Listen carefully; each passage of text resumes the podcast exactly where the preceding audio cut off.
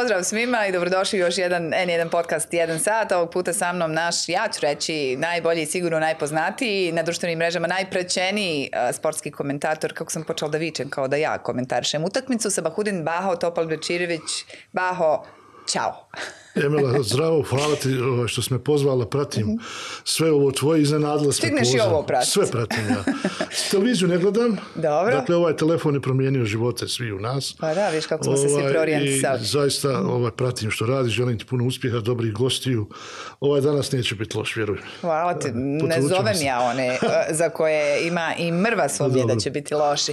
Baho, moram nešto da ti pitam prvo, pošto si ovako, kako bi rekla, zagriženi navijač A ja baš i nisam. Pa dobro. Kako si podnio ovo što je Velež uzeo kup, Sarajevo izgubilo Evropu? Pa fino sam podnio kup, jer Velež nije nikakva floskula, Velež je klub koji je, znaš, klub simpatičan bio svima u bivšoj Jugoslaviji. Naprimjer, ja sam bio na, sa 17 godina na finalu kupa Željo Velež. 3-2. Išao sam da navijam za želju, a Velež je pobjedio. 81. u Beogradu. Onda sam pet godina kasnije bio na finalu. Išao sam da navijaš za želju, a Velež je pobjedio. A Velež je pobjedio 3-2. To zato što si ti navio za želju. Onda sam pet godina kasnije išao na želju Dinamo. Velež Dinamo. Opet je Velež osvojio kup. I prosto je nevjerovatno da su izgleda specijalisti za osvajanje kupa. Uh mhm. -huh. Treće finale njihovo u njihovoj istoriji. Ja navijam za Sarajevo, naravno, ali drago mi da, je, da su oni ljudi doživjeli jednu radost. Jer su zaslužili. E, ali to kad govoriš, išao sam navijat za želju. Stvarno mi je fascinantno, ima ogroman broj tih e, zagriženih navijača ili Želje ili Sarajeva koji kad ovaj drugi klub igra protiv bilo drago. koga, drago im je. Željovci su sinoć vjerojatno mahom navijali protiv pa, uh, Sarajeva. Nije to rivalstvo samo u Sarajevu. Ovaj, I možda sam i ja nekad bio tako, možda sad neko dok ovo gleda ne vjeruje, vi će ja foliraš i tako dalje. Ne, ja sam se naučio biti profesionalac. Ja kad sam 5. juna 1998. prenosio pobjedu Želje i gol Zubanovića, ovaj, e, kad sam to izdržao, onda sam onda sve izdržati u životu. Tad sam bio baš zagriženi. Da bi Željo dao gol u 90. minuti i pobjedio Sarajevo u prvoj zvaničnoj utakmici za titulu prvaka Bosne i Hercegovine. 24 godine poslije ja svakog petog, šestog imam telefonske pozve od navijača Želje i to nikad nije prestalo. I to u jednom divnom duhu. Onda sam ja prenosio bezbroj utakmica Želje u kojem, u kojem je Željo pobjeđivao u 90. minuti. Da bi onda oni meni u znak neke zahvali napravili majicu sa mojim likom i napisali gol Baho 90. minuta. Tako da me puno tih pobjeda i dobrih stvari veže za želju, a ono što je nevjerovatno je to da ja slobodno mogu reći da su mi čak bolji prijatelji do duše, to su starije generacije, moje generacije koje su igrale za želju 80. godina, možda sam čak sa njima bolji nego sa igračima Sarajeva, što je nevjerovatno, ali tako. Jedan, ali, jedan raritet. Ali sam bordu, iako sam ovu koplavu majicu. Ali ta zaljubljenost u futbal i u, u, u klub, ti derbi, ti si ih pratio mnogo. Mm, prisustvovao mnogim derbijima jel da, Baho, širom svijeta. E, šta je onako nešto naj, pa eto i tebi koji si također sportski fanatik, neobičnije što si čuo ili vidio da su ljudi uradili zbog kluba koji vole. Neki dan sam slušao na radiju, e, ovaj najstariji navijač Sarajeva rekao je da, se, da je sa svoje svadbe napustio slavlje i otišao a, gledati utakmicu Sarajeva, ne znam protiv koga je igralo Sarajevo kažu da jedino se uh, navijati za jedan klub ne može promijeniti. Kad navija za jedan klub, to ostaje vječno. Znači, ljudi mijenjaju... Da stvarno se desilo ikada neko pa ja, promijeni. Ljudi mijenjaju, pa to su neki koji nisu nikad shvatali ni nogometni mm. sport u pravim okvirima. Jel, ljudi mijenjaju i žene i muževe i tako dalje. Ali klub, ali klub se ne mijenja. Ove, možete, možete, vremenom, z, uh, možete vremenom da zavolite neki klub E, na primjer sportski novinar kao što sam ja imao sam sreću da 90. godina prenosi Manchester United koji je imao ne znam 112 utakmica zaredom u kojim je u svakoj utakmici postizao gol a igrali su Beckham, Giggs, Scholes i tako dalje i onda zavolite neki klub i kad se prvi put e, poja, odete na Old Trafford i vidite tu jednu novu kulturu to navijanje onda vam neki klub ostane manje ili više u srcu a ja sam kao ljubitelj futbala imao priliku da gledam manje više sve svjetske derbije čak sam bio u Argentini pa i u Brazilu sam bio rekao puta, ali u Brazilu, na primjer, derbi između Rivera i Boke. E, jednostavno mislim da, da bi trebala jedna posebna emisija da ja vama ovdje ispričam šta je to.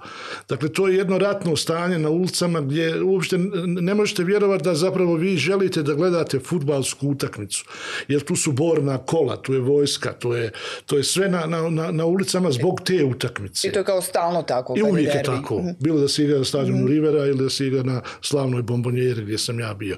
Tako da, ili sam bio na utakmici Glasgow Celtic, ljudi ne znaju ovaj, otprilike o čemu se tu radi, Glasgow Celtic, klub iz istog grada. Ja sam najveće bio na utakmici i taj stadion Ibrox, on je bio dosuđen jedan penal za, za Glasgow, ovaj, oni su taj stadion da lakše, da uobličim to nekako jednostavnije, na spratovima negdje gore na najvišem vrhu, otprilike po meni 12. vrh tog navijačkog, čovjek je skinuo majicu i bacio se u navijača kao to je bio njegov neki Čekaj, bunt. on je ostao živ. On je, on je, on S koje se, visine? Na primjer, pa s 12. sprata, otprilike, bacio se skroz dole u publiku. I preživio. I preživio je on. Onda smo bili imao više sreće nego pa pameti. Pa jeste. Onda smo bili najveći u diskoteci, pošto sam ja bio sa jednom izbjeličkom porodicom iz Bosne i Hercegovine, koja je bila možda jedina u Škotskoj tada ovaj, ja sam, otišli smo u diskoteku neku i ja sam iz čiste šale, iz, ne znam, bez veze rekao, ono živio Glasgow ovaj, on su meni rekli, ne, ne, mi se nalazimo u dijelu gdje svi navijaju za Celtic. Sad si mogao kao u tom smislu dobro dobiti udarac ili tako da. Tako da su ti derbi zaista specifični. Imamo u susjedstvu pa jedan od najžešćih derbija na svijetu između Zvijezde i Partizana. I ljudi ne znaju kakve samo ovaj derbije se održavaju u Maroku, Kazablanka i tako dalje. Tako da je futbal nije, nije bez veze najpopularniji. Nažalost, to je danas jedan veliki biznis ovaj, ali navijačke strasti su zaista fascinante, pa čak i mene nekada to, ono ne mogu da povjerujem kako sam stariji, jel tako sam mirniji, ali... Baha, za tebe bi trebala emisija, odnosno podcast tri sata, vrlo si onako osebujan, imaš bogatu karijeru i kad sam te najavljivala, zapravo trebala sam dodati ne samo sportski komentator, nama si možda najpoznatiji kao sportski komentator, međutim i scenarista, uradio si nekoliko filmova, pričat ćemo o njima a, i a, čovjek koji je sklon muzici, pa ne znam kako da to pa ispravno definiram, čovjek koji je pjevao, pisao pjesme, čak e, su neke od njih uzeli naši poznati, najpoznatiji pjevač kao što su Haldi i Hanka Paldum, čovjek koji organizuje jedan sportski simpozij veliki na koji dolaze zaista čudesna velika sportska imena, to je Simposar. Tako da stvarno je ono teško, ne znam odakle krenuti, ali evo kad bi ti Baho, znam da je to sad vrlo zahtjevno, svoju karijeru treba u nekoliko rečenica predstaviti predstaviti. Šta bi, šta bi rekao? Pa ne, ja mislim da nema kud nije bio i nema šta ja nije mislim, Imaju ljudi koji se u životu traže. Znaš, imaju ljudi koji počnu jedan posao da rade i onda ga promijene. I ja, ja, sam, ja sam bio, ja nisam nikad, na primjer, volio neki ekstremni noćni život, nisam nikad pušio, nisam nikad pio. Sport mi je bio i ostao glavna preokupacija. A ovaj, znači radiš nešto pa prestaneš, radiš nešto pa prestaneš, pa uzmeš malo gitaru, naučiš dva akorda i odjednom meni ljudi kažu kako tu, jel ovo, jesi ovo ti napisao pjesmu? Jesam. Pa kaže mogu bi ti snimiti kasetu, pa mogu, ajde da probam.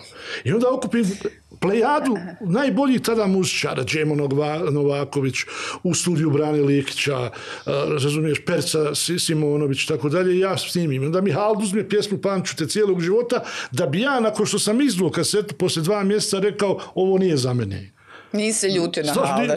Ma ne, on je meni tražio. on je meni rekao, hoćeš mi dati ove dvije pjesme, sviđaju mi se, ja, su, ja sam rekao, može, ova hard je to uredno. Pamtit ću te cijelog života, pokušam te natjerati da, da pjevaš, da vidim, jel ti još polazi za rukom da moja žena, kome li si ovu pjesmu posvijetio i da li ćeš se sresti sa njom reći, rekao, budi sigurno. Završili smo i s pjesmom i s njom.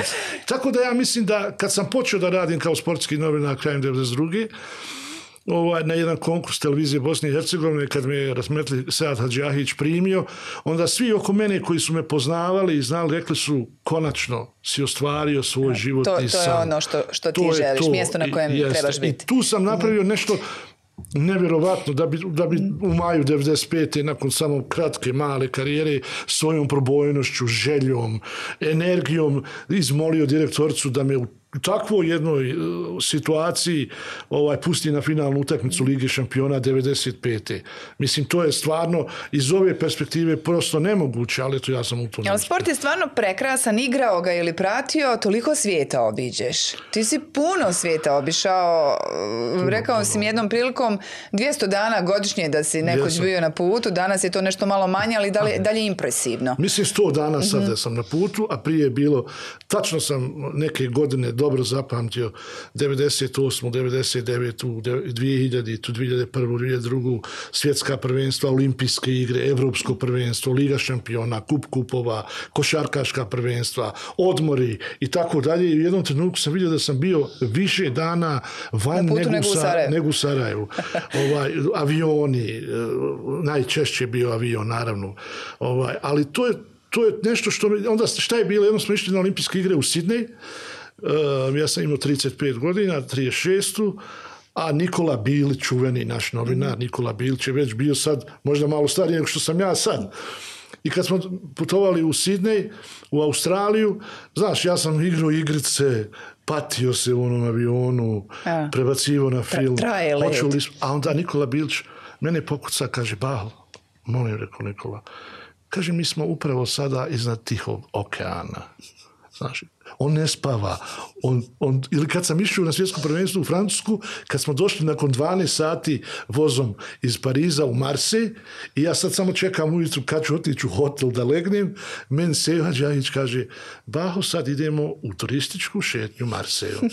Ja kažem, Seo, Baho sad ide u krevet da spava. I sad kako sam ja stari, kako idem na neko mjesto, bilo da ga ponavljam ili da je novo, ja sad to radim. Ja, ideš u turistički Ja sad idem u turistički -hmm. da, da obilazim. To su godine, jel? Da. To zaista se u 20 godina mm. puno toga promijeni. Po, drugačije rasporedite i prioritete, drugačije rasporedite sve u životu. Kako si Baho, to mi je uvijek zanimljivo, vrlo zanimljivo mi je i nekad se mala priliku posmatrat vas, sportski komentatori, dok prenosite utakmicu, to je stvarno nekad trebalo mute i, i samo vas gledati, ali kako se pripremaš? A pogotovo koliko se to promijenilo u odnosu na prvu utakmicu? Koja je bila prva utakmica koju si prenosio? Prva utakmica, prvo, prvo sam radio, ovaj, nisu mi dali, nego su rekli kao moraš zaraditi prijenos, ovaj, to su bili uh, kao highlightsi uh, evropskih liga, a to se kralo u ratu sa Eurosporta. Gore uredno ide markica Eurosporta, ovdje piše televizija. Ta, tad je sve moglo. Sad, tad je sve moglo. Ovaj, ali pamtim jednu od prvih. Jednu od prvih to je bila Kaiserslautern, Bosna i Hercegovina. Jedna od prvih utakmica reprezentacije Bosne i Hercegovine. I onda, znaš, nije bilo društvenim, nije ništa bilo. I onda kad su ljudi gledali na televiziji, stvarno moram to reći, mislim, ako želimo da budemo iskreni, jer uh, bilo šta govoriti, a ne govoriti istinu u ovim godinama, bila bi sramota. A da neko ne shvati to kao, kao neku hvalu. Stvarno su ljudi govorili, onaj, majstore, pojavi se neko ko zna da radi taj posao. Meni je to bilo čudno. To su, kad sam počeo da radim prve prijenose, bilo mi je čudno. Jer, da li ja to stvarno znam? Jer ja sam sa pet godina, sa šest uzimao predmete i prenosio utakmice. Sada, no, ti se već tad pripremao. Ja sam, ne, ne, ja sam, zato sa, ovo ti si ostvario pa ne, svoj san. Ja sam zaista si... ono, Sarajevo željo, na primjer, 70. godine ili 72. znao sastav sad dođu Amidže, Dajđe. Znaš kako prije, to prije, ono, više su se ljudi družili. I familije su se više družili. Kako se kazalo, doć, doće na tijelo, pa će sjesti. Sad imamo mobitel, pa da, sad imamo live pa ja, preko mobitela. A ja pa uzmem pa... onaj telefon, nije telefon, neku, neki predmet i sakrijem se u čošak i kažem, evo nas danas na stadionu Grbavica igraju Janić, Bečić, pa će ovo igramo u Sarajevu, ne znam ko je već igrao, tada I onda oni kažu svi, čak sam snimak imao, moj Amidža, koji je živio, koji je odšao netom u Australiju, je jedne godine donio na onoj magnetofonskoj traci snimak, jer mi je snimio. Mali baho komentarše. Ma, komentarše. Bilo je to ono, u novogodišnjem programu 2001. 2002. godine na televiziji BH. Tako da je to, to sam zavolio, volio i, i, i to mi i dan danas, jer kod mene u kući se stvarno ništa drugo ne gleda. Pa čekaj, kako se pripremaš? Mislim, pogotovo sad, s obzirom da imaš toliko informacije. Sad je lakše lakše. Je lakše zato što si akumulirao jel, da, toliko i, iskustva i informacija, a sad je i lakše doći do informacije. Sad je, puno, klik, klik i... Tako je. Ovaj, prije sam ja na tu sreću, zbog toga što sam bio jedan veliki fanatik, imao sve brojeve tempa Beogradskog i SN revije Zagrebačke. I ja sam bio jedan od ljudi na prostoru bivše Jugoslavije koji je to zaista tu kolekciju jedini imao. Znam jednog čovjeka u Beogradu da je imao i onda mi je bilo puno lakše kad dođe neka utakmica, to, to, to, ja uzmem podatke i tako da se taj već prijenos počeo razlikovati od prijenosa ljudi koji su radili prije mene. Naravno, trebalo je, ja sam volio i dan danas volim da primim kritike i od mlađih, a uvijek sam volio da osluškujem. Znam dobro, jednom jedan prijatelj nakon jednog prijenosa mi je rekao, Bahu, ide sve super, bit će od tebe nešto, ali ne moraš mi govoriti da je lopta na desnoj strani kad ja vidim da je na desnoj strani. Dakle, to je televizija. Nije radio. Ne moraš mi govoriti da je lopta na, na, na desnoj strani. I naravno da ja sam ja to prihvatio. Znate, ne volim ljude koji ne prihvataju savjete, posebno kad su mm. dobro namjerni, ja to volim u bilo kojoj sferi posla. I onda jednostavno taj je posao krenuo, kao to je bila jedna mašina. Mi smo imali po pet sati subotom i nedeljom sportska popodneva. Dovodili goste. Kaže, neko se žali danas. Ja znam da sam znao doći na televiziju u 9 ujutru, spremiti emisiju koja bi počela u dva sata. Morao se spremiti sve goste, a u međuvremenu još u pola četiri prenositi Bundesligu. I za vrijeme reklama vrat se obut sako i vodite emisiju.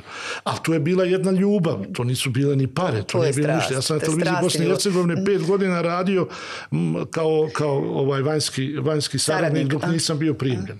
A, sad kad govoriš savjet, e, treba jeli, da. određene, pogotovo savjete od određenih iskusnih ljudi prihvatiti i primiti. Koliko tebe zapravo i kroz karijeru i sada, s obzirom da si etabliran u svojoj profesiji, traže za savjet? Ne samo kolege sportski komentator, nego ja koliko znam konsultuju tebe i sportski radnici više me i selektori. I... Emela, dobro ti je pitanje. Ovaj, više me konsultuju vjerovala ili ne. I zbog toga je ogromna razlika između ljudi. Više me konsultuje, pa i, i, sad je, ali nema to veze. Evo ja ću sad nešto te otkriti ovdje. Ja sam direktno i lično učestvovao i, prvi sam novinar koji je uradio intervju sa pokojnim Ivicom Osimom 24. maja 1995. godine u Gracu.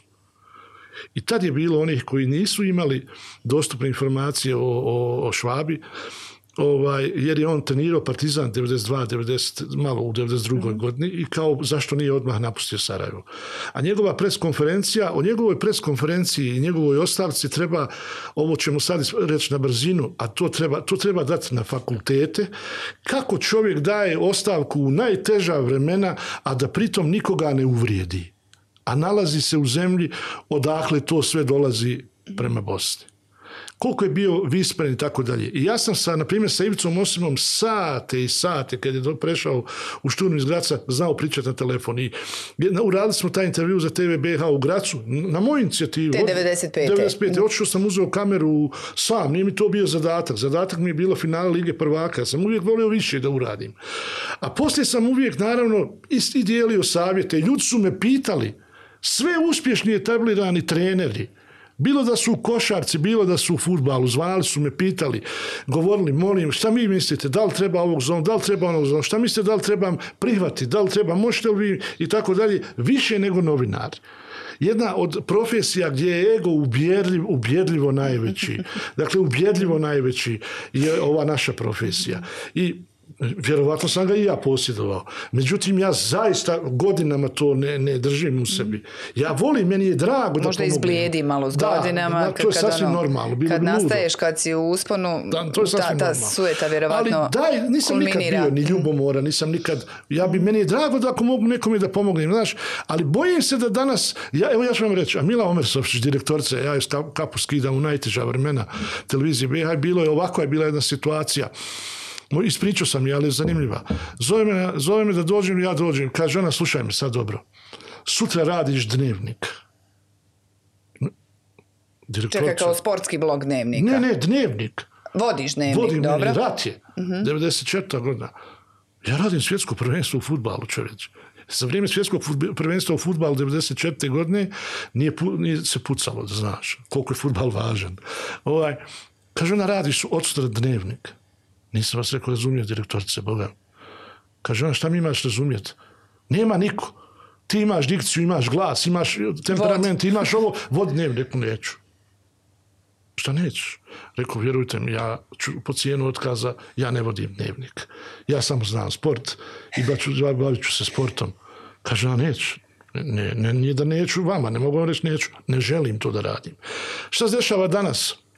uzmu curu iz uh, vremenske prognoze i kaže da li ti radila dnevnik? Ona kaže da i radi dnevnik. Nije prošla pritome ni obuku, nije, nije, ni, pro, ni, uzmu curu da, kod nas su dolazili, ja sad ću, sad ću, sad ću da, da se to može aplicirati na sportske komentatore. No, apsolutno, pa kod nas, je dola, kod nas su dolazili ljudi, ja sam pitao jednog momka koji je se prijavio da radi na televiziji tada u Bosni i Hercegovini. Odakle je Cibona i odakle je Ronaldo, on nije znao. Možda je njega jedna muka uh, natjerala na to. Ali, pasite, on ne zna da je Cibona iz Zagreba i ko je tada, tadašnji Ronaldo, Brazilac, debeljucu. To su oni elementi koje čak i ja znam. Pa da, ne, znači, to, poznata kao moj, velika nepoznavateljica. I onda ja kažem, sine, ne mogu da vjerujem da si došao da se prijaviš za, ja. za posao sportskog novinara. Taj neki ambijent koji smo kreirali, u kojem prije svega ljudi se olako prihvataju stvari pa uh, u kojima nisu, jel, to... za koje nemaju kompetencija, a isto tako ljudi ono, olako daju određene pozicije ljudima. Tako. A, a, mene, ne, ali, ali, mene ponajviše uh, se kira što, što to vidimo u ovim vladajućim strukturama, znaš, ljudima koji, koji upravljaju upravljaju, koji, Emela, koji vode vidi, ti ja i brzo pričamo, pa da, da nešto i ne propustimo. Ovaj. Kad sam ja, kad se objavilo da sam ja postao savjetnik ministra civilnih poslova, pa po Bogu, to je, to je jedno najveće licemjerstvo koje sam još do sad vidio. Zamisli, zamisli ja savjetnik. Ne, pa trebao je biti savjetnik, vjerovatno neko sa ulice, trebao je biti savjetnik neko ko je dotad radio vremensku prognozu. Ja sam, to, ja sam taj posao napustio jer sam vidio da u toj zgradi je ova Bosna i Hercegovina. Ovo nisam nikad nikome rekao. U toj zgradi je Bosna i Hercegovina. U toj zgradi gdje ne, kao, ja, ja, ne znam da li postoji država uopće. Ja ne znam kao da svi ona, njeni problemi su svi, u toj zgradi. Mislim, ja, ja vama ne mogu, ja ne volim govoriti o imenima, ne volim govoriti o ljudima, nikad nisam volio da govorim.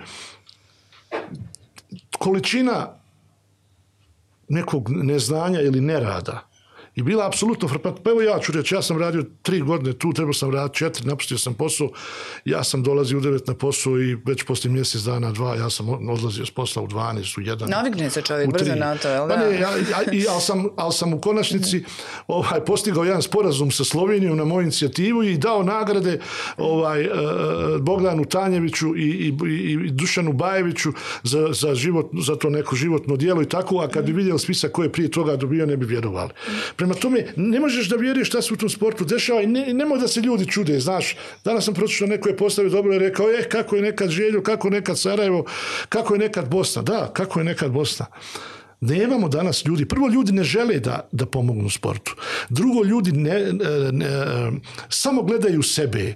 Dakle, oni su se našli u tom jednom krugu sa tim finansi, sa tom finansi. Pa ste, ja imam simpozij u kojem sam do sad doveo 120 gostiju iz Evrope. I čovjek meni nakon mog pisma kaže, Bahu, ja ću tebi dati hiljadu maraka zbog tebe. Ja kažem, zbog mene. Nemoj mi bogat davati hiljad maraka zbog mene. Neki Ako čovjek ti, ti kaže da će ti dati za simpozij, za simpozij, za, hiljadu, za organizaciju. Da, kao, aha. ja kažem, nemoj mi bogat davati zbog mene, ako nisi prepoznao ovaj događaj. Ja, ne, ako nisi pre... na neko tom, šire dobro, jel? Na tom simpoziju je Ivica Osim sa štakama od deset simpozija bio na šest. I on više učio nego ljudi. Ja kad bi doveo najboljeg suca iz regiona, ne dođu suci iz Bosne i Hercegovine. Ja kad bi dobio najboljeg suca košarkaškog, ne dođu suci da slušaju najbolje košarkaškog suca. Jel te ljuti to? Pa mene ljuti jer oni su, uh, grubo reći, on, ne mogu reći, znači nekome to ne prija, ne prija što ja ili neko bi drugi to radio i oni to bojkotuju. I dolaze ljudi koji su iskreni zaljubljenici u sport. I onda ja okupim elitu Pa ste u jednom momentu, u stvari svaki simposar, na jednom momentu imaš Bogdanja Tanjevića, Ivicu Osima, ne znam, Husrefa Musemića, Safeta Sušća, ne znam, sad da ne nabrajam više od, šti, od, Dobro, od Štimca. I, i sportske od, i nesportske velikane sam ja tamo Francus vidjela. Tigana je bio mm ovdje, Gigi Riva i tako dalje. Oni to ne razumiju. Oni to ne, Sarajevo moje to ne razumije. Ja znam Sarajevo šta je bilo. Ja znam šta je Sarajevo bilo i koji je Sarajevo bilo grad. I olimpijski grad i prvak Evrope kakav Bosna. Kad sam prvi skinuo jugoslovensku zastavu s 14 godina da dočekam Bosnu. Šta je bio futbalski klub Želju u polufinalu Kupa UEFA i Sarajevo prvak Jugoslaviju u jednoj te istoj godini. I odbojkaški klub Bosna prvak Jugoslavije. I žene iz Breze prvaci. Iz Breze odbojkaški klub ili prvaci jedinstva i Ida prvak Evrope i borac iz Banja Luke prvak Evrope. Zamisli, zamisli prvaci Evrope iz jedinstva, iz Tuzle, Bort, iz Banja Luke i Sarajeva. Slušam te i razmišljam o tome koliko je zanimanje za koje si se ti e, opredijelio, koje si sanjao, stvarno izazovno e, po više osnova. Komentator specifično je u ovom našem poslu biti komentator Dobro, to je sporta, meni, komentator teško, fudbala. strašno, strašno. A, Vjerujem da je teško i u smislu i pripreme i kako sve to iznijeti, ali je teško s obzirom da se ljudi jako vežu za komentatore, jako ste im važni, dakle, ovi, ovi pogotovo futbalski fanatici. Meni je to jasno. Zašto mi jasno? Jer sam se ja vezao za komentatora. Da, baš ono, pa, pa si onda odmah tu izložen uh, svakakvim komentarima i to- afirmativnim tim poput, a, bravo, radiš svoj posao, do kriv si što, što je izgubio određeni klub ili reprezentacija. Zato treba imati želudac. Ja, prvo da se razumijemo. Ovaj, te, uh, kaže, nije se rodio onaj što je svima ugodio, jel? To je normalno. O da, znam. Ovaj, prije je isto to bilo, samo nije bilo tako vidljivo kao danas. Nije bilo društvenih mreža, Nije bilo nismo svi Pa, tipkali pazi, svoje pazi, mišljenje. Znate, na početku, kad se moglo to, kad, kad, si, ono, kad svi smo to doživljavali na jedan način, su ljudi otkrili da komšinca piše protiv mene. Tvoja komšinca. Da. šta, šta, šta Pa bi zato što nije, čovjek nije uspio u životu, nije se valjda realizovao i, i ja sam možda kriv što ja sad putujem, idem u Milano na finale, Ja, u Minhenu, idem na olimpijske ja. igre i tako dalje. Ovaj, dakle, to su potpune budalaštine. Ili ono, trenutak kad sam rekao da više neću raditi, nažalost, reprezentaciju Bosne i Zašto si se Hercegovine. odlučio, Baho, za? Pa, za, Htjela pa sam ja sam, meni su djeca, ipak 16, pe- i 14 godina tad. Nije li baš djeci, nije baš djeci lijepo pročitati da neko sem uvreda, hajde, oni su i pametni sreća, jel, pametniji možda i od mene. Zamislite, zamislite eh, frustraciju. Zamislite vi kad, zamislite vi da poslije utakmice uopšte neko bio, znači, o, kakvi, o kakvoj je to osobi riječ, o kakvim je to novinama riječ, o kakvim je to ljudima riječ. Kad kaže on kriv za poraz je komentator.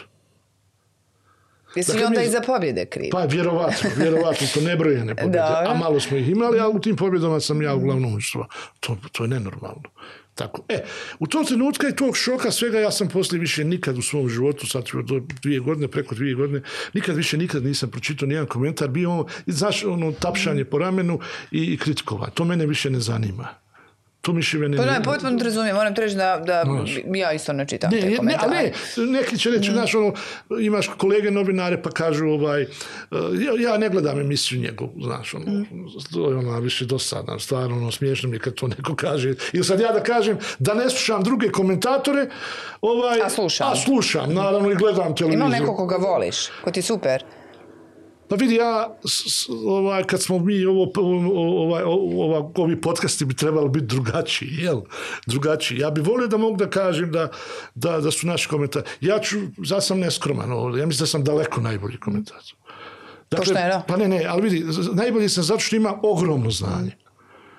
Jedno ogromno znanje koje je potpuno nevjerovatno koliko kod mene ima informacija, koliko kod mene ima Pa strasti. da znam ja kad s tobom pričam za Ne, Manta. ne, koliko ima strasti, koliko, koliko, koliko Mhm. ima ljubavi. I ja bih jedino mogao sad uporediti trenutno neke ljude, ali isključivo koji rade spe, kao specijalista, kao momak sa sports kluba Višković koji radi Mhm. ovaj tenis. Ali on to radi isto u kontinuitetu 15-20 godina i još ga prati rezultati. Jer on, on od 20 Grand Slamova uh, ovoga uh, Đokovića, on je 15 prenosio.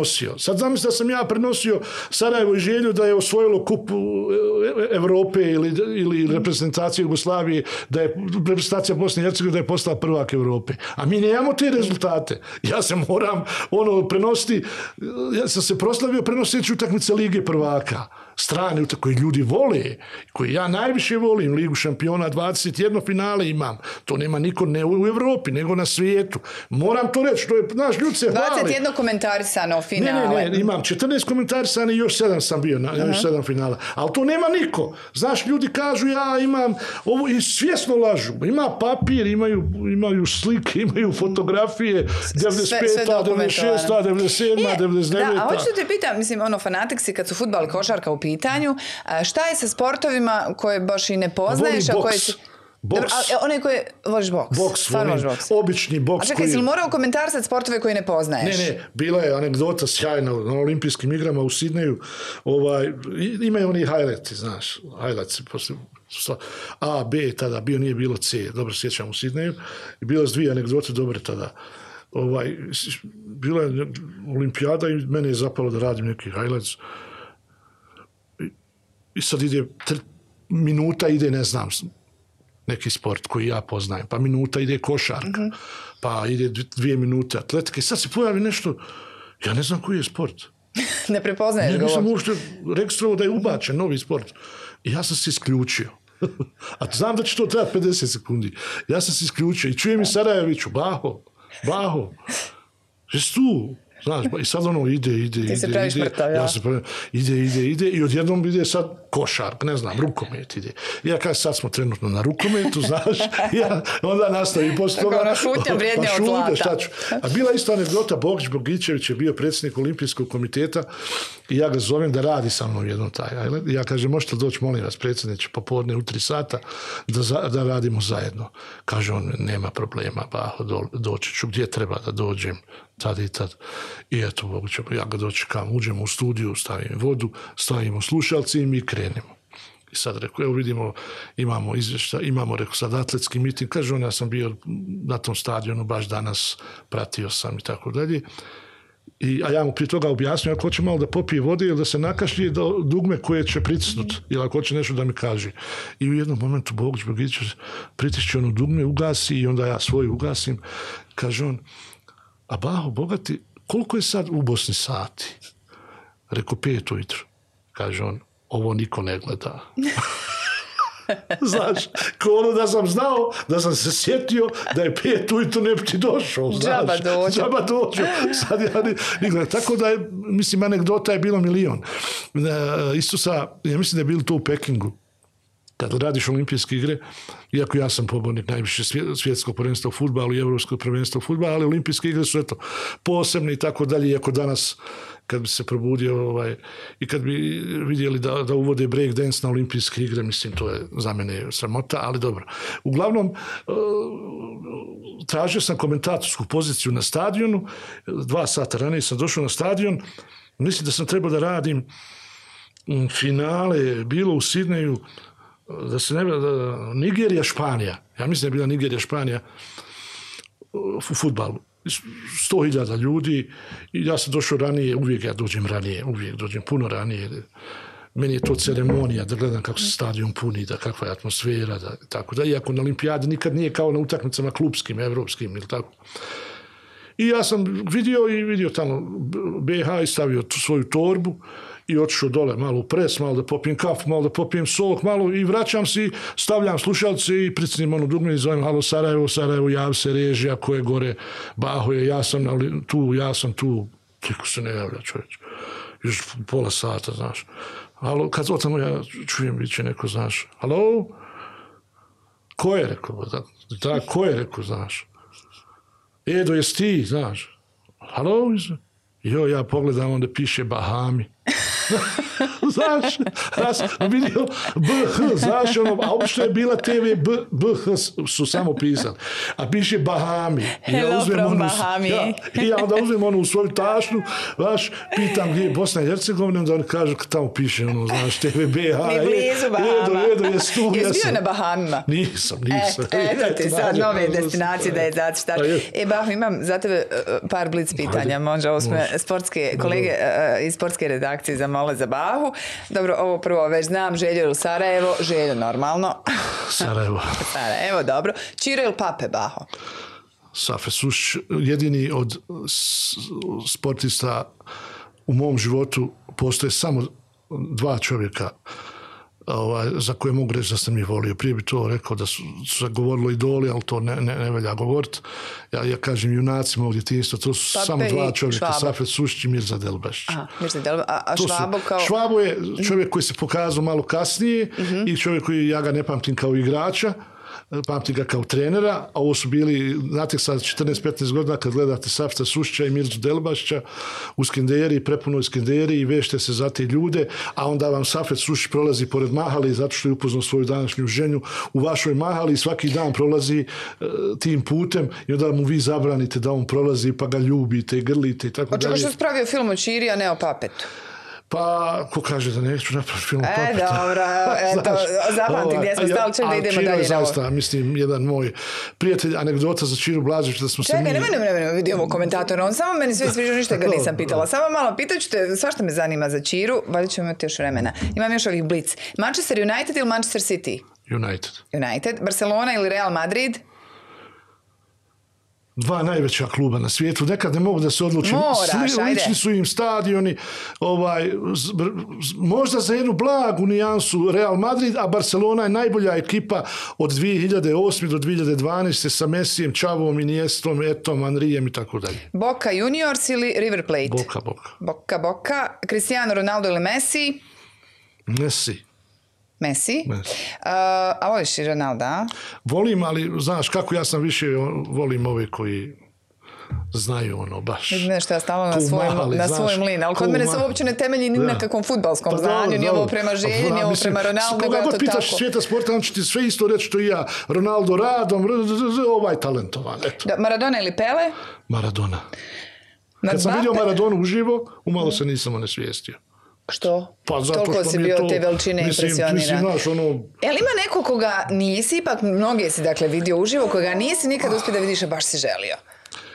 Mislim na sportske nema, nema, čak radnike. najveća, najgora stvar koja mi se mogla desiti je bila ta da se grlim i pričam sa Sir Alex Fergusonom, a da a, ovaj Bakir Hadžomerović, koji je bio tad sa mnom na utakmici, slika i posle toga pet minuta kaže da mi se izvinjava da mu je pukla baterija i da nema slika. te slike. A. Mislim, to Dobro, je... ali imaš svjedoka. Da, imam Imaš svjedoka, To je dakle, bilo, to je za je mene je bilo ono najteži moment, moment. Što sam imao VIP lože da sjednemo, da gledamo Manchester i tako eto. Joj, Bakir, šta je to tad bilo obični aparati? Ja mislim ili, ili ovaj telefon ili puk ili aparat. Pa je- Bakre, pa možda te Bakir Prije zapravo toga me- zeza. Mo- prije- možda čuva negdje te slike, pa ćete jednom ne, ne, iznenaditi. Prije toga me slikao sa Runijem, znaš, tu sliku Mhm. imam i sad dolazi Sir Alex Ferguson i kaže, ono, znaš. E, čekaj, imam još. Za ovog drugog, sad ćeš me rušiti, ali ne znam ni ko je. Prvog znam Mbappe, Holland. Ili Holland. A ovaj Mbappe meni bolji. Ja sam morala znati ovog Jesi, Holanda. odlično su to uradili. Mor ne, nisam ništa uradila. ovo. Nisi ništa, nisi ništa. Jel što ovo što Ne, nisam ništa, znala, ništa, dobro. E, ja kažem Vico i nogometni savez, šta ti kažeš? E, vidi, da se, da se razumijemo, do sad su svi predsjednici manje više bili, ako tako moramo govoriti, a moramo govoriti bošnjaci. Ja sam prije 10-15 godina rekao da Bog da 11 Srba igralo ili Hrvata, 11 Bošnjaka, samo da, da igraju. Da su. Na tom čovjeku je vjerovatno veliko zvono, jer bor, borca nije bilo dugo i sad je borac vodi tu neku ulogu važnu i znate kako je, ovaj, svi ljudi to komentaršu na svoj način. Ja sam ono što sam pročitao da je čovjek obećao da će šest terena u ratu ove godine i da će napraviti, da ćemo do godine imati var. Meni, ako to uradi, meni je obećao nešto. Obično prije ono obećaju i ništa se ne desi. Znaš, druga stvar, mi nemamo terene, nemamo infrastrukturu, nemamo nacionalni stadion. Mi smo najsiromašnija zemlja, mi smo u totalnom jednom rasulu, a ne, a dragi smo, fini smo, jer ne bi volio da ispadne da ono stalno nešto ruzimo. Fini je ovo narod, fini ljudi, gostoljubivi, dolaze mi stalno ljudi iz svih krajeva šta je svijeta. problem? Problem je, problem je to što su nekako svi samo žele sebi u ovom trenutku. Ovo što si malo čas govorio. Daj mi sad, a ja zaboravljam za Bez ostale. neke projekcije za Tako dalje, je, za druge, za je. budućnost. Dakle, ne može se ništa sad i odmah. Ne može ni, ni nogometni klub, ni futbalski klub, ni košarkaški klub. Najveća sramota ove države je košarkaški klub Bosna. Pa to je prvi zvanični prvak Evrope iz bivše Jugoslavije. Ja bih volio da ovaj vlasnik, koji ja mislim gostuje kod vas počesto, ja ga znam samo onako izgleda, da kaže zašto je on Bosnu uzeo sa svojom firmom, da je spasija, da ona opet sad ispada iz lige. Zašto ljudi, ako je budžet milijardu, milijardu i pol, ne znam više tako ja čujem, to uglavnom u vašim emisijama, veći od budžeta Republike Srpske.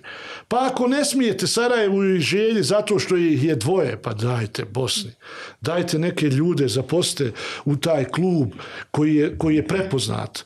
Dakle, ja se čujem sa jednim Dinom Meneginom, protiv Bosna igrala protiv Emersona. Dino Menegin je čovjek koji je osvojio najviše titula prvaka Evrope, sedam. Zamislite, ja sam gledao Dinu Menegina i on je moj prijatelj danas iz Milana. I on mene pita šta je s Bosnom. Bosna koja je pobjedila njegov Emerson Da. u Grenoblu 79. Gledam te, hoću da te slikam, izvin, slušam te sve s tom plavo-bijelom nekako, mi Ma dobro, dobro plavo. stoji. Je, Možda ti budeš prvi čovjek koji će zapravo Stomak. prestat, ne stomak, pre, prestat navijat za jedan klub početi za, za drugi kog te nagovaram, nema šanse. A, Baho, kako a, si uopće uspio nagovoriti, malo čas sam spomenula filmove, velike ljude poput e, Osima, kojeg nažalost Švabe više nema sa nama, a, poput Đajića, poput e, Čire Blaževića, da, da ti se otvore i da uradiš film o njima. Mislim da je jako dobro inače u životu biti uporan, ali ne biti dosadan. E, kako naći granicu? E, izgleda da sam ja uspio Graničar. u toj, u toj, u toj ozbiljno. Dobro. nekako. Đajića sam znao još za vrijeme bivše Jugoslavije, kad bi dolazio sa crvenom zvijezdom, on su sjedali u holde i ja sam bio navijač. Poslije smo se upoznali i tako dalje. Ovaj, uh, Ivica Osim, jel, Čiro Blažević, upoznao ga na finalu Kupa 1983. godine, čak sam bio kao, kao jedan, jedan, jedan dečko koji je navijao za Sarajevo, vrlo grub s tribina, a on me uzeo u naramak i rekao mi, siđi dole mali. Što, Čiro.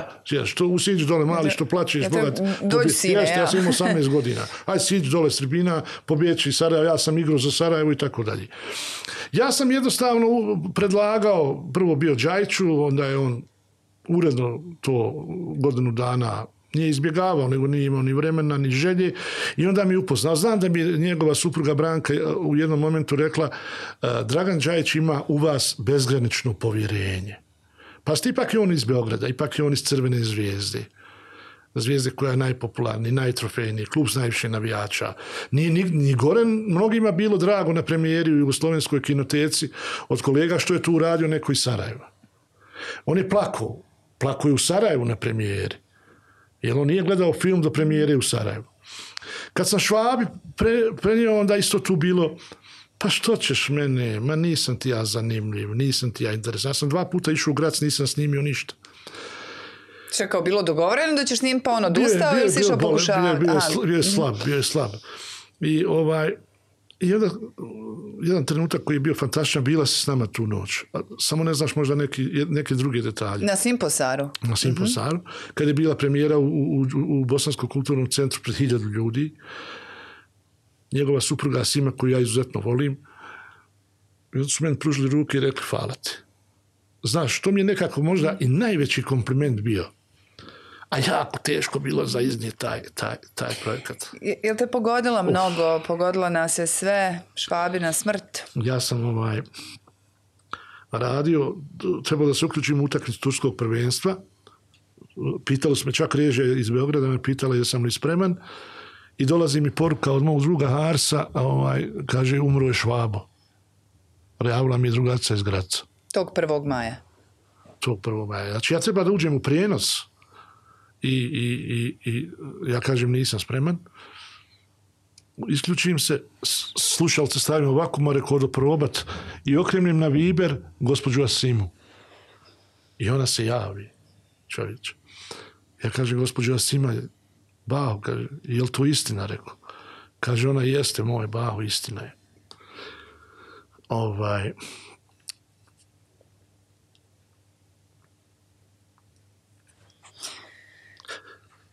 Emotivno, znaš polako, šta? samo polako. Ma, nije, ma nema veze, nije to sad. On mi nije rod. Ali nekakav je čovjek s karizmom bio, znaš. Sad ću reći. Samo polako. Ovaj, I Tako sad ja moram, nekako- onaj meni čovjek iz Beograda Tako mi je nekako očekivano da se za, za švabom plače.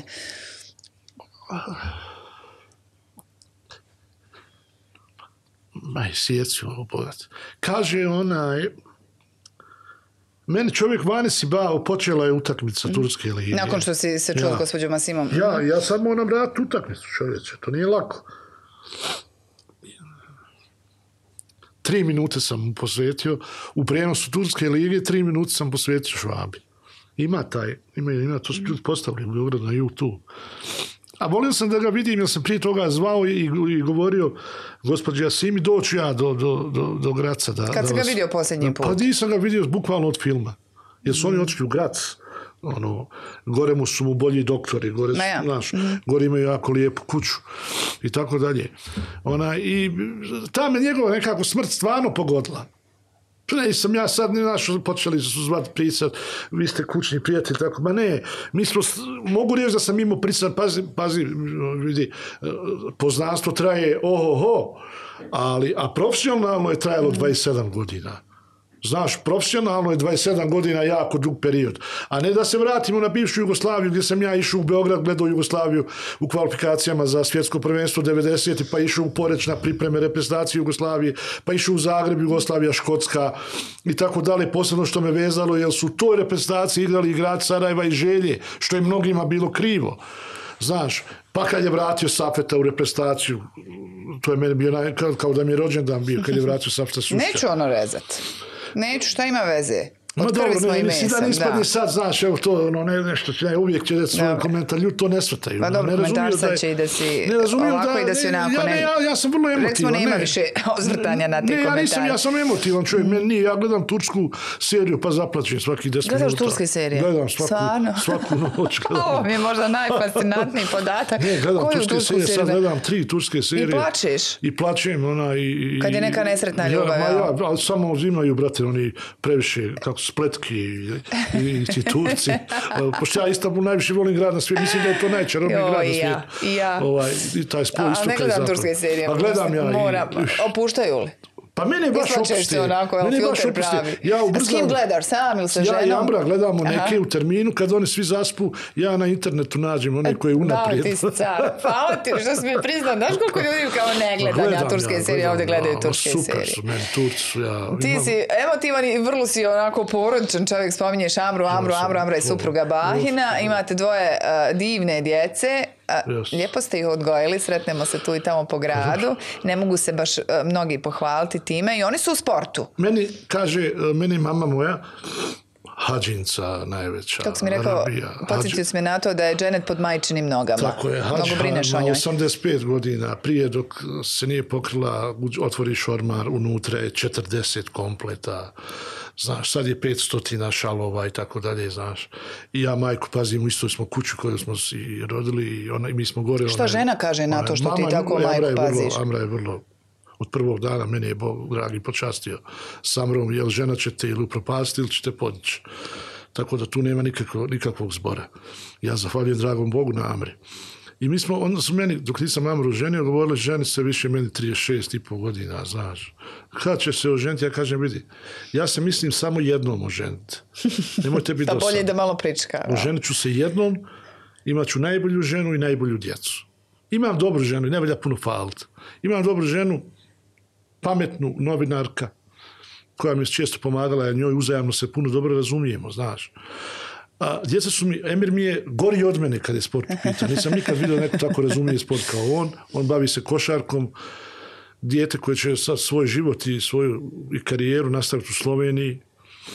Sreća pa je blizu. A Mina koja igra odbojku, ona je drugi razred, završava četvrti razred, zapravo završava dvije godine u godini. Stvarno je dobar. Dobar je za jedan godinu. И задоволен сам, тоа ми е најва, тоа ми е неки ослонац, тоа ми е нешто што ми дае снагу да могу радат неки ствари кои буду некак препрека. Jer mi, svi mi imamo u životu iskušenja. Nismo mi rođeni samo da ustajemo svako jutro i da pijemo kavu i da sjedimo i da nam svaki dan, Boga mi, bude super. Mi smo rođeni... Naprotiv, da, mnogo više onih koji baš ne, ne, nisu ne, tako iskušenja, Iskušenja nas ojačaju, iskušenja nam daju volju da budemo bolji, jer samo se budale ne mijenjaju, znaš. I kaže onaj, kakve su ti misli, takav ti je život. Ja se svako To jutro... je nekakav i tvoj moto. Pa ja se sa tim budim da, da svaki dan se probudim i kaže, vidi sad na sljedećem Simposaru moraš dovesti sir Alex Ferguson. Aha, na sljedećem ovo moraš To zbog ove slike koja je propala, evo. Pa ne, inače. inače Samo zbog slike I sad ti bake. to dovedeš, znaš, ona, i uvijek imaš, ali nebitno je, mene to održava. E sad, znaš šta me strah? Strah mi što sam imao 10-20 životnih želja i sve sam ih ostvario. Znaš, ono što, što, što zamislim E, to, to nekako ne, ne sviđa mi se to, zna, razumijem što te strah. Kad čovjek Ne, više ozbiljno. nema želja, šta imam sad? izalje još, hvala Bogu da ih imam. A, imaš ih još, Imam to i sam ja, vidim gdje sam imao i sve ne, sam ne, ostvario. imam, strah želja. Kako, kako mi ide od ruke. Strah te što ostvaruješ. Kako- Što ti strah? Pa ne znam nekako, znaš, zamisli da ih se ne sad ostvariš, ja, da ono, prošle godine, znaš, odem sad, koga to zanima, koga ne zanima, nije važno, korona, haos. Ja kažem, u kuće, ja odu u Meku i Medinu. Znaš, ljudi meni kaže, jesi ti pri sebi. Čovjek, čovjek me zove, odozgo iz Meke, kaže, gdje ćeš? Pa mi u Meki ne možemo doći u U sred korona. U sred korona. Korona pandemije. mhm. Ja izvodim ono, vakcinicu se izvodim, odem u Meku, kaže tamo ne, ali tamo da ispričam mi ne, ne bi. To je, to je anegdota za ne, za ne povjerovat, znači to, to, to je nemoguće. U tom haremu gdje je hotel i gdje je toranj, gdje rade bosanci koji održavaju toranj u Meki, sam ja u hotelu, spavao i ranije, jer sam bio neko puta, i obuku sam odmah onu gelabiju Čekaj, bijelu. koliko puta si bio? Bio sam četiri puta. Tri puta sam obavio hađ, umru jednom hađ. I sad sam bio u Alaksi, volim to. Eto, to volim. To mi daje Mhm. neku, kad mogu dati za more, kad mogu dati za putovanje, kad mogu dati za Rim Čekaj, to London. sam ideš Sam, ili- Mhm. ja uglavnom odem. I ovaj, e, šta, htio sam da ti kažem ovo za, za putovanje. Da si otišao u vanrednim okolnostima. Nema nikoga. U shopping centru u kojem je po stotine hiljada ljudi nema niko, Emela. Jesi bio svjestan te činjenice ne, kad odeš nisam bio. ljudi koji su me sačekali na aerodromu u Džidi rekli su potrućemo se da vam pomognemo da to obavite, ali znate, ni nama ne daju i tako dalje. Ja sam sad, da ti skratim priču, u hotelu, e, bio je Ramazan, u sobi dobijaš ovaj obrok za vrijeme iftara. I sad sam ja sišao posle dan, dva, vidim da se ne može proći. I samo kažem čovjeku, ja sam došao iz Bosne, volio bi da obavim umru. I da, kaže, ne možete obaviti umru. To, to, ne, ne, samo Saudici neki pod posebnim dozvolom. kako uopće ideš tako da se nisi raspitao šta te očekuje? Tako, tako. I zovem jednog čovjeka, zovem drugog čovjeka, molim te, ne može. I sad sam ja treći, četvrti dan, ja peti dan moram nazad. Sad ja došao u Meku i Medinu, a da ne obavim. I zove mene jedan albanac koji me je prije nekoliko godina dočekao, kaže, vidi Baho, sad će ti doći general uh, vojske Saudijske Arabije. Arabije, mhm. Njegovo je obezbjeđenje dole ovaj, kod Kjabi i pukovnik je, da ne stažim, i on će učiniti sve da ti prođeš, da ovaj, uđeš tamo. Hvala ti, kažem, najljepša, puno ti hvala. imao si štelu Ne, ne, ne. I on ne dođe. Ne dođe? Ne dođe. Aha. Prošlo je pola sata, zove me on, kaže, siđi dole, čekate jedan dečko na recepciji, molim te, to je moj dobar prijatelj, on je saudijac, siđi dole. Ja dole siđem na hodniku, momak mlad, ja, ja mislim da ima 16 godina, u stvari on ima 25, na dolu koji izgleda obučen bogato saudijski, znaš, vidiš, možeš razlikovati kad ovi sa ovom gelabi. On se svađa sa obezbjeđenjem, prijeti prstima, ja kaže, nemojte se svađati, nije fino. Kaže, jeste vi Sabahatin, Sabahudin? Reku, jesam, kaže, krenite sa mnom. Ja krenem, momak mlad, da ne kažem nadobudan. Sad izlazimo iz tog hotela, tu je veliki hodnik, liftova ima puno, jer to je milioni ljudi tu budu. Preko puta je jedan hotel, Swiss hotel, ja mislim, kaže, vidite ovaj hotel, reko, vidim. Kaže, to je moj hotel. Pa rekao, da sam znao, spavao bi u tom hotelu. Čestitam. Ne, ne, ali ja ono, znaš, kao spavao bi u tom hotelu. I mi se spustimo dole, kad on prolazi sve onu vojsku, prolazi, prolazi, prolazi, prolazi i kaže, vi ćete sad iftariti sa nama i ja ulazim i upravo ovako kao što je ovdje poredano, samo ono malo drugačijem stilu, sjedi njih petorca i čekaju iftar. To su šejci pravi. Ja ne mogu da vjerim da sam se tu našao. Ni kriv, ni dužan, ne znam kako sam se tu... Kako? Skinite cipele, skinuo cipele, oni ustali došli. A, iz Bosne, šta ima u Bosni?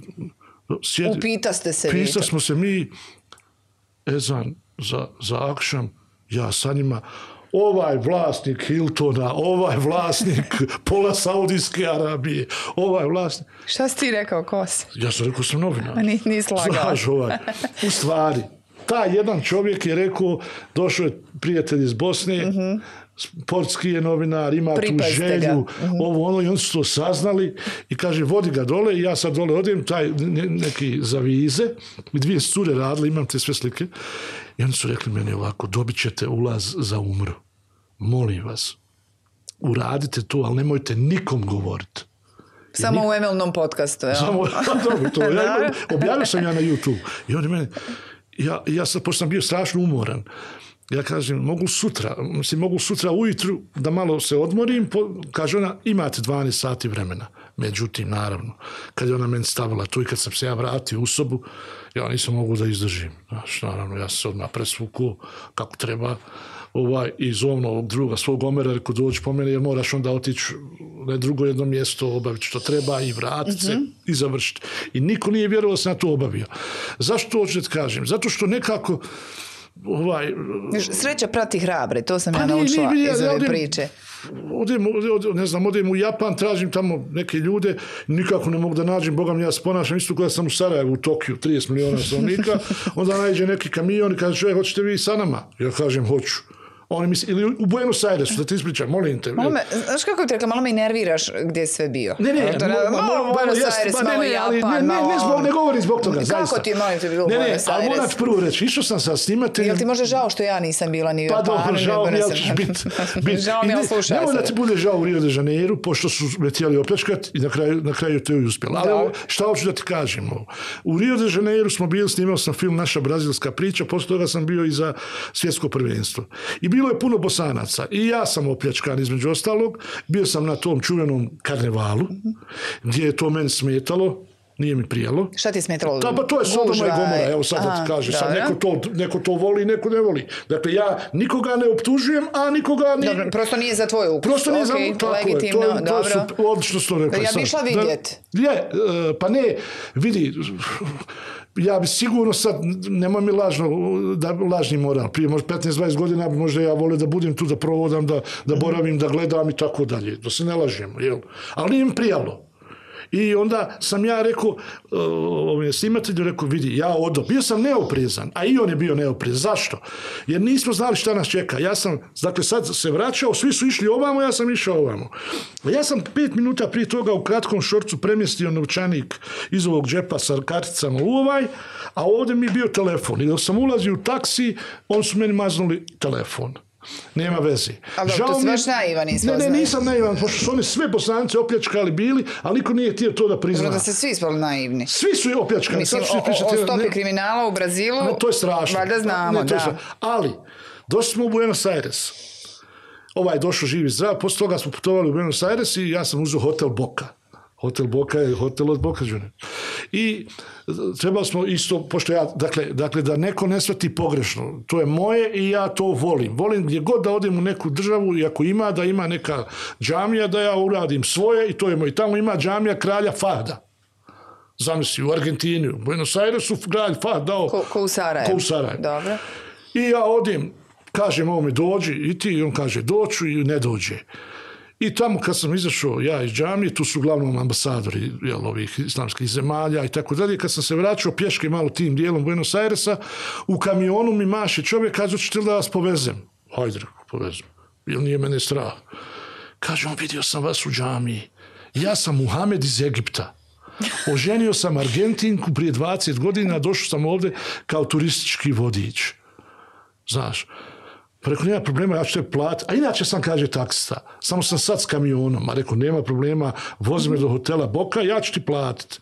I on meni zove i dajem vizit kartu. Rekao, bil ti Muhammed došao posle podne po mene i po mog druga, koliko bi koštala jedna tura da mi upoznamo Buenos Aires. Kaže on, 100 dolara. O, o, u redu. Ja dolazim u sobu, moj snimatelj sjedi na kauču, ja kažem, šta je sad to, ba što me izradi? I on što spustene glavi. Što mi rekao izradi, ba što ne dođe? Kaže on, ba, ukrali mi kameru. A kamera njemu sredstvo za rad. Najbolju kameru, mm. ne znam koliko on, 20.000 dolara. Što? I sad ja kao ljut.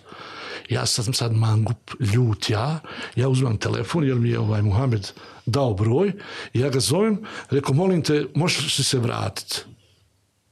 Rekao, ovaj Mohamed Taksta je žamije. Jeste, jest, on je da? već ono odšao, dok, dok sam ja, znači, on nije mogu daleko odmah. Kaže, on šta je bilo? Rekao, uzeli su mom prijatelju kameru. Kaže, da li je dobro? Da li on, da li je živ? Živ je, rekao, evo ga, je li, je li normalan? Njega nema kamere. Jes, pa zašto to, rekao, pitaš? Pa kaže, mogu su ga ili s nožem ili oslijepiti. to radi. I on je došao, jesi bio rekao u policiji, kaže jesam. I dođe ovaj Mohamed, ima, imam zapisnik, kaže, evo ga, aj voz, aj voz, i sad ja sam mangup sarajevski, znaš, sad ću ja to riješiti. Rekao Mohamede, voz nas u ovu stanicu, evo ti adresa. I sad Mohamed pretrnuo. Pa kaže on, jel on će govoriti španski? Mohamed govori španski. Sve prevodi što ću ja govoriti. Ja mogu se sporazumjeti na engleskom, do, fino. I ja sam ljut. Međutim, ali to je zaista nadrealno. To je stvarno nadrealno. Ulazak u tu stancu, u Buenos Airesu, policijsku. Vrata se otvaraju kao u onim kaubojskim filmovima prije 150 godina. Ti pošao kao pravdu. A ja sam pošao, znaš da. Mm. I sad sa strane su kriminalci i da ne kažem. I sjedi frajer, podigo je noge, ali stvarno je tako. Dakle, Policajac. Policajac je podigo noge. Dobro. I mi ulazimo, ništa ne mijenja uopšte. A ja kažem, mom prijatelju je ukradena kamera, znaš. A Mohamed, znaš, ono njega strah, on je tu ipak stranac. Iako Da ne bude kolateralna znaš, zna šteta. čovjek šta je. Kaže on, nemoj ga lamit, znaš. Ono, ono. Rekao, onaj, pa kaže on, da, znam. Znam, kaže, rekao, on meni kao viče, kao... zna ovaj s nogama na stole, ne, aha. ne popuštao. Kaže, znam, pa bio je malo prije, napravili smo zapisnik. Ma šta rekao, znaš, zove mi šefa. Što je, kaže, ja sam galanim, šef. A ovako ustade, spusti onu nogu, znaš, i ustade kaže, I am boss. Ja kažem, halali, onaj, kameru, ajmo odavde, onaj, i sreća je da smo svaku noć pohranjivali materijal, znaš, tako da taj dan... Da nije, nije propao. nije A koliko je propao. tebi love otišlo u novčaniku? E, Ne, ne, telefon su mi ukrali. E, Ja sam novčanik sreća prebacio u ovaj koji aha. se ovako Dobro. zatvarao, ovaj je bio na izvolite, znaš. dobro, I on su oni, onaj, da, i kasnije kad sam, a kasnije, nikad nije zaboraviti jednu, jednu familiju bosansku. Sam da ti kažem, sat je jedan prošao. Dobro, Pa evo ti ja vidi sam spreman za još jedan sat. sad. Ja odo, ti sam. Ona, u, u, u, u, na, svjetsko prvenstvo, Bosna i Argentina, i sad prilazi meni čovjek sa tri kćerke. Imaju one fine godine. Ja kažem, jel ti jedna udata čovječe, vidi tri ljepotice, bolam da da ti nađem ja u Bosni, u Sarajevu, neke zetove, znaš. I on, kaže on, kad vi krećete na utakmicu, rekao, evo, mi imamo one pres, znaš. Mhm, Na kretaciji. A oni se moraju dobro napat dok dođu do Marakane, znaš. Ja kažem, hajte vi za mnom. I kad ja budem krenuo u autobus, vi za mnom, a ja ću ovoga da, jer ako ide s autobusom, dođe pred Marakanu i došao s lakoćom. Ma kažem, ma hajte vi za mnom. Ja dođem i onaj vozač, brazilac, oni brazilski, oni na engleskom ne znaju red D. Ne znaju ništa. I sad ja uđem njemu nešto mašim, znaš, ovo, akreditaciju, on maši glavom i ovi prođoše, znaš. I on misli novinar isto. I on ih dobaci do stadiona, me hvala, sabahudine, hajde, rekao, vidimo se u hotelu, Bog da poslije to. I završi se utakmica i ja sam normalno na autobus nazad došao u rekordnom vremenu. Pio kafe, sokove, kolega moj Ibrahim Uratović bio sa mnom, ulazi čovjek sa svoje tri kćerke, poslije jedno tri sata. Sve troje opljačkani. Nije smiješ. Sve troje opljačkani u vozu u trenu, jel? Kad su se vraćali, svi su opljačkani bili i zovu Ameriku, kartice, brojeve i tako dalje. Tako da, znaš, iako je onako, onako po izgledu arhitektonski taj Rio de Janeiro, možda jedan od najljepših gradova na svijetu. Čekaj, nikom da si ovo mene sve uh, ispričao da, da me odgovoriš od ove moje namjere da idem u Ne, Rio. ne, preporučio bi ti Buenos, da- da preporučio da ti Buenos. Aires, Mhm. zato što je to uh, ovaj grad između Madrida i Rima, jedan od najljepših gradova, uz ogromnu sa mužem da ideš i da držite ovdje. Eno, oni meni smislio s kim ću ići. Oh. dobro, ba. dobro. Dobro, dobro. Mogu još neku pomoć? Samo. Oni imaju najbolju govedinu, to znaš, najbolje meso je u Argentini. Znaš me, Tako da je, meso. Ovaj, to je strašno, o, o, to je strašno. super. E sad ću početi, šalim se. To u drugom satu, baha. Dobro. Vidiš da nam je super bilo, mogu smo još satima pričati. Ti Do kažeš, te- kako si nekako bio ono, skroman do kad smo se čuli, pa ne znam, jesam Pa ti ja baš ne, dobar. Nema Ne, mi te lažne ne, ne, skromnosti, nije super lažna, si ne. Pa Ajmo sad ponovo ovo želje ili Sare, I ovo će neko, šta promijenilo. I ovo će neko ovaj, sve drugačije ovo će neko gledat. protumačiti, znaš. Možda neće Ta, gledat ti ovo voliš niko kao- žene, a fol si pobjegao iz, sa karnevala, znaš. Mislim, ja sad ti nešto ideš u džamiju, pa se nama Pa tu pa hvališ da ideš u džamiju. Jesi uvijek išao u džamiju? Pa znaš kako, ja sam iz tradicionalne porodice, jel, gdje je Nana bila, ono, znaš, sad je to moja kažeš, i mama je pokrivena E, sad je to i- moja mama pokrivena i sestre su mi pokrivene. I, i to je jednostavno neki naš, naš Adet.